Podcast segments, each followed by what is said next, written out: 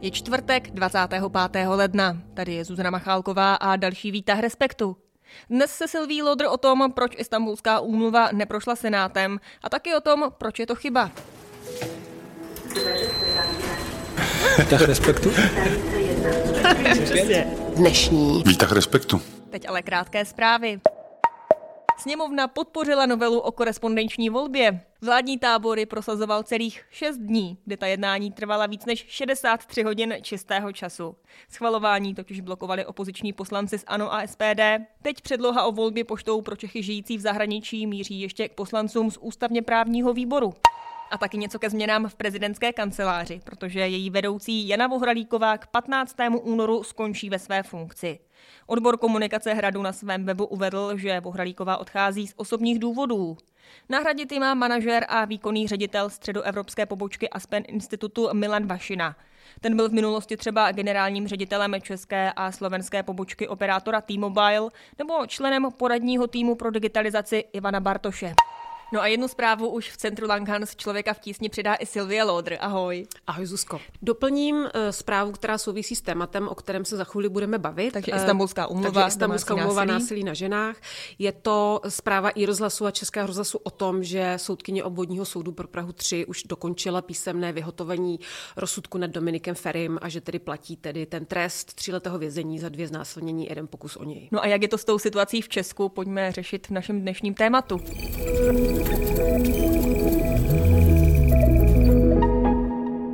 Dnešní. Výtah respektu. Nesouhlasím s tím, že historicky je vztah mezi mužem a ženou v naší zemi vztahem útlaku a moci. Já ho vidím jako vztah spolupráce, lásky, vzájemné pomoci, obdivu, koexistence, a uctívání. Tak to je jeden z výroků, který senátorka Daniela Kovářová pronesla před hlasováním horní komory o ratifikaci Istanbulské úmluvy. Takže dokumentu Rady Evropy o potírání násilí na ženách a domácího násilí. Ta umluva neprošla. A teď pozor, o pouhé dva hlasy, protože z 71 přítomných senátorů a senátorek s ní souhlasilo jen 34 z nich. Tak Silvie, pojďme se odpíchnout od toho výroku Daniely Kovářové a uveďme trochu na pravou míru, jak je to s tou úctou a koexistencí žen a mužů v české společnosti, protože ta umluva pokrývá téma domácího násilí a diskriminace. Tak jak na tom v Česku v tomto ohledu jsme? Když si vezmeme policijní statistiky, které jsou z roku 2022, za loňský rok, který ještě nemáme ta data, tak z nich vyplývá, že roste počet trestných činů souvisejících s domácím a sexuálním násilím. U některých těch trestných činů se to dá ještě brát poměrně pozitivně, že to znamená, že lidé více důvěřují policii a více je hlásí. To by teda byla dobrá zpráva, nicméně specificky u těch vražd se to opravdu nedá brát pozitivně, to je opravdu extrémně závažný zločin. A tam eh, jich bylo v roce 2022 79, o 19 víc než v roce předchozím. Uvedu jeden konkrétní příklad, který je z Loučsky na Vsetínsku, kde muž pobodal a nechal vykrvácet svoji ženu a tři děti mladší pěti let, následně je polil benzínem a zapálil. Tak to vypadají vraždy v blízkých vztazích.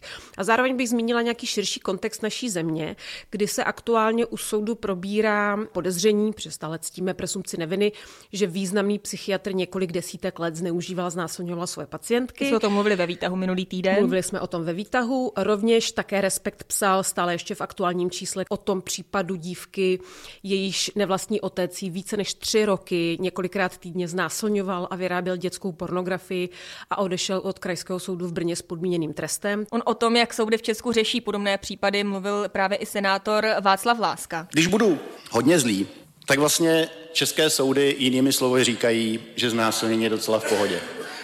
Pokud ji přitom nezabijete, pak je to takový drobný přečin. To je přístup českých soudů. A pak ještě jako na dokreslení té situace bych zmínila, že vlastně víceméně všechny organizace, které těm obětem reálně a v terénu pomáhají, tak hlásí, že jim vlastně vysychají finanční zdroje, protože dlouho spoléhali na zahraniční zdroje financí, ty začínají vysychat a ty domácí zdroje eh, nejsou příliš bohaté, protože se vlastně šetří. Takže to je připomínka té reality v Česku. No dobře, a co by tedy s tou realitou udělala Istanbulská umluva? Co přesně by spravovala? Já bych vlastně řekla, že ta umluva funguje ve dvou rovinách, jednak symbolické a praktické. Členské státy, které tu umluvu přijmou a mimochodem, které se podílely na sepsání toho textu, to já vlastně pořád opakuju, rádo se na to zapomíná.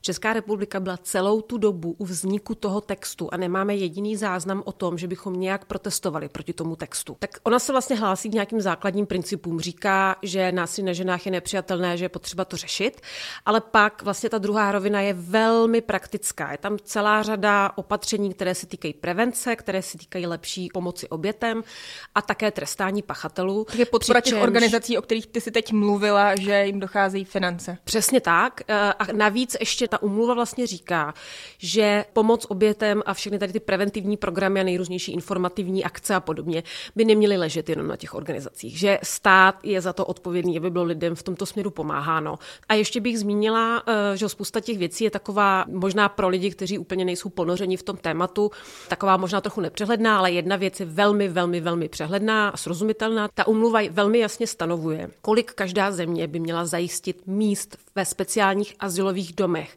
kam se mohou do bezpečí uchylit oběti násilí a většinou její děti. A Česká republika to zatím nesplňuje. Takže to jsou velmi konkrétní potom čísla, na kterých to můžeme vlastně tu situaci hodnotit. Já jsem poslouchala včera ty výroky senátorů, kteří odmítali ratifikaci Istanbulské úmluvy. Eh, já třeba tady teď začnu hned prvním článkem. Úmluva má chránit ženy proti všem formám násilí a předcházet, stíhat a odstraňovat násilí na ženách a domácí násilí. Co proti tomu vlastně někdo může namítnout? Já bych přidala jeden postřeh, kterého jsem si vlastně všimla až teď, když jsem si pročítala tu diskuzi. Je zajímavé, že zatímco argumenty zastánců té úmluvy jsou pořád stejné. Máme nedostatečnou pomoc, máme málo těch lůžek, máme málo podpory organizacím a teď můžu to celé znova zopakovat, zůstávají pořád stejné. Zatímco argumenty těch odpůrců se proměňují v čase v závislosti na tom, že se různé ty mýty a argumenty prostě vyvracejí, tak se posouvají k nějakým dalším. Ale kdybych zmínila ty hlavní z té senátní debaty, eh, bod číslo jedna se týká eh, zásadního neporozumění pojmů pohlaví a gender. Nám vznikne povinnost všude možně mateřskou školou počínaje a českou televizí konče má z děti mladistvé i mladé dospělé otázkou genderu, tím, že záleží na nich, pro který gender se rozhodnou a tak dále a tak podobně. Tak je vidět, že oni opravdu nerozumí tomu, v čem ty dvě kategorie se liší, co znamená to biologické pohlaví a co znamená gender, tedy z nějaký společenský a kulturní konstrukt. Ženy a muži jsou na první pohled odlišitelní tím, jak vypadají, jak jednají, jak voní, jak se usmívají, jak se češou, jak se rozhodují, jak řídí, jak velí. Chcete tento na první pohled rozpoznatelný rozdíl odstranit?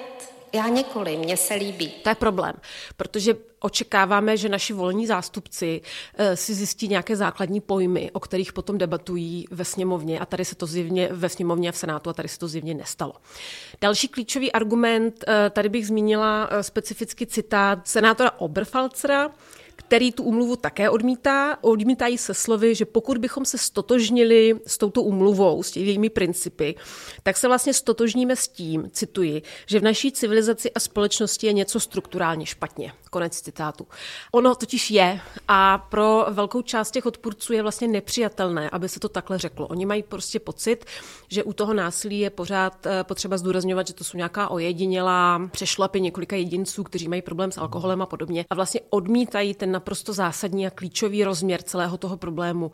On, a se ještě... na to, on ještě argumentuje tradiční rodinou. Zcela vážně si myslím, že smyslem té úmluvy je vymítit evropskou tradici, tradičního fungování rodin a je to rázný krok směrem k té naprosté relativizaci toho, co je muž a žena, jak většinově funguje rodina a podobně. Stejně jako o téma genderu se opíral třeba senátor Michal Canov. Jestli náhodou nehrozí, že bude zakázaná pomláska. Ale já, když si přečtu článek 12, odstavec 1, si to nemyslím. Citu z Istanbulské umluvy tento článek, tento odstavec. Strany podniknou nezbytná opatření pro podporu sociálních a kulturních vzorců chování žen a mužů s cílem vymítit předsudky, zvyky, tradice a další praktiky, jež jsou založeny na předpokladu podřízenosti ženy anebo na stereotypním pojímání v roli žen a mužů. Tady ta formulace, která je v Istanbulské umluvě, která se právě týká těch tradic a, a nejrůznějších jako zvyků, už byla součástí jiného dokumentu. A tento dokument je součástí našeho právního řádu už asi 40 let. Zaznamenali jsme, že by někdo rušil Velikonoce, že by stát vymáhal zrušení Velikonoc. Takže tady se znova vlastně vracíme k velmi časté přítomnosti buď neznalosti, anebo záměrného šíření dezinformací ze strany odpůrců té umluvy. Osobně se odmítám k tomuto šílenství připojit a pokud teda ale e, vlastně někdo má obavu, že umluva zaměřená na řešení násilí na ženách ohrozí tradiční rodinu, tak co to vlastně říká o tom, co si lidé myslí vlastně o tradiční rodině? Oni teda vlastně de facto říkají, že v tradiční rodině je přítomno násilí. Tím pádem, když ho začneme řešit, tak se ta tradiční rodina rozpadne. To je opravdu jako pozoruhodný e, vlastně myšlenkový konstrukt. A zmínila bych ještě jeden opravdu zásadní důvod, který byl tak jako kdyby v pozadí, ale někteří senátoři a senátoři senátorky ho vlastně zmínili úplně otevřeně, zmínila bych senátorku Kovářovou, že jde prostě o peníze. Istanbulskou umluvu aktivisté a nezískové organizace podporují proto, že jim slibuje obrovské peníze na jejich provoz. Nezapomínejme na známý efekt sněhové koule – a vzniku specifického živného roztoku, který se rozbují kolem každé nové podobné aktivity. A zároveň tam také senátorka Kovářová otevřela takovou otázku směrem k vládě, že celá ta implementace té umluvy bude stát hodně peněz a kde na to ta vláda prostě veme. A to je, myslím, že důležitá věc, která se trošku zapomíná, že abychom tu umluvu skutečně dodrželi, tak to bude stát prostě hodně peněz. No a kde a, na to ta vláda ale veme? A máme, máme tady vládu, která nechce utrácet. Takže ona na to nebude muset brát nikde, protože ta umluva uh, není ratifikovaná, protože ji odmítl Senát. Takže ten problém ta vláda prostě řešit nemusí. Silvie, my jsme zmínili konkrétní senátory a senátorky, kteří jsou proti, ale když to schrneme nebo zaštítíme nějak eh, tím, jakou mají politickou příslušnost ti, kteří se brání přijetí Istanbulské umluvy. Eh, je to zajímavé z toho důvodu, že to právě prošlo, jak si zmínila úplně na začátku, o pouhé dva hlasy. Takže dobré se i věnovat senátorům a senátorkám, kteří se ku příkladu zdrželi. Protože ti, kteří se zdrželi a byli tedy přítomni, tak zároveň nesnížili to kvórum těch hlasů. To znamená, kdyby nepřišli třeba vůbec, tak ta umluva uh, mohla projít. Ale to dělení je zhruba takové, že kluby starostů a nezávislých a SEN 21 a Piráti víceméně až na nějaké jako výjimky, na jednu výjimku vlastně, což byl senátor Canov, tak uh, úplně všichni členové těchto klubů podpořili tu umluvu. U ODS a TOP 09 byla třetina pro, přičemž tam teda někteří senátoři nebyli přítomní, třeba Miroslava Němcová. U KDU ČSL a nezávislých v tomto klubu bylo 20% eh, pro, těch 20% jsou pouze dva senátoři. U ANO a sociální demokracie bylo 40% eh, členů tohoto klubu pro, pak nám tam zbývají tři nezařazení senátoři a ti byli teda všichni proti. Silvie, v momentě, kdy tedy Istanbulská úmluva neprošla v Česku, tak čistě prakticky kromě toho, co my už jsme zmínili, co to vlastně znamená? Eh, lidé, kterým opravdu jde o pomoc obětem domácího sexuální násilí, teďka budou nuceni vlastně všechny ty principy jeden po druhém prosadit eh, zvlášť a postupně. Pokud by ta úmluva prošla, tak vlastně by byl schválen takový velký balík kroků, které by mohly být následně implementovány. K jakým zemím my se vlastně zařazujeme tady tímto? My se vlastně často jako společnost cítíme, že jsme proti některým napřed. A my se v zahraničí za Českou republiku stydíme, protože jsme to ještě neudělali. Přátelé, to je ovšem argument hodný základní školy. Pepík skočil z okna, tak musíme taky. Právě ta nadřazenost civilizační si myslím, že třeba směřuje eh, k zemím na východ od nás, určitě Právě. k Ukrajině, která schválila Istanbulskou mluvu poměrně nedávno, nebo si myslím, že se určitě cítíme nadřazeni, zejména v těchto otázkách směrem k balkánským zemím. A tam je vlastně pozoruhodné, že Istanbulskou umluvu přijali víceméně všechny balkánské země od Albánie přes Srbsko po eh, Bosnu a Hercegovinu.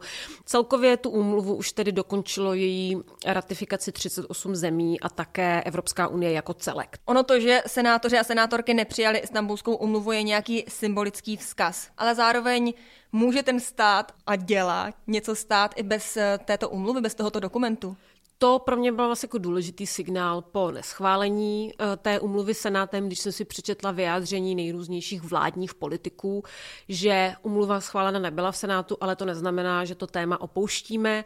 A specificky třeba ministr vnitra, u kterého je to klíčové, slíbil veřejně, že se všechny ty klíčové principy pokusí a bude dohlížet na to, aby, aby teda vláda eh, je nějakým způsobem legislativně ošetřila, aby se v tom něco skutečně změnilo, což jsou eh, nejrůznější kroky od teda diskutovat diskutované redefinice znásilnění, školení soudců a státních zástupců. Takže tam je jako doby jistá naděje, že umluvu mít nebudeme, ale jsou zde politici, kteří rozumí nutnosti zavést principy v té umluvě obsažené a zavázali se je prosadit. Silvie, moc ti děkuji za tu naději i za souhrn celého tohoto těžkého tématu. Měj se krásně. Já děkuji. No a teď už můžete zamířit na web Respektu, protože jsou tam nové texty a co v nich je, schrnuje zástupce šéf-redaktora Ondřej Kundra. Dneska bych vás upozornil především na jeden text, jsou to zápisky matky, která má postřelenou dceru na Filozofické fakultě a jsou to zápisky z toho, jak svoji dceru s manželem hledali. Myslím si, že obdobný text eh, tady ještě nevznikl. Já jsem ho četl, je to velmi syrové psaní a je to velmi důležitý text. Výtah. Jo. Výtah respektu? Co ještě jinýho? Dnešní. Výtah respektu. Tady je dnešní výtah Respektu u konce. Tak zase zítra v pět odpoledne na webu i podcastových aplikacích. Těším se na slyšenou.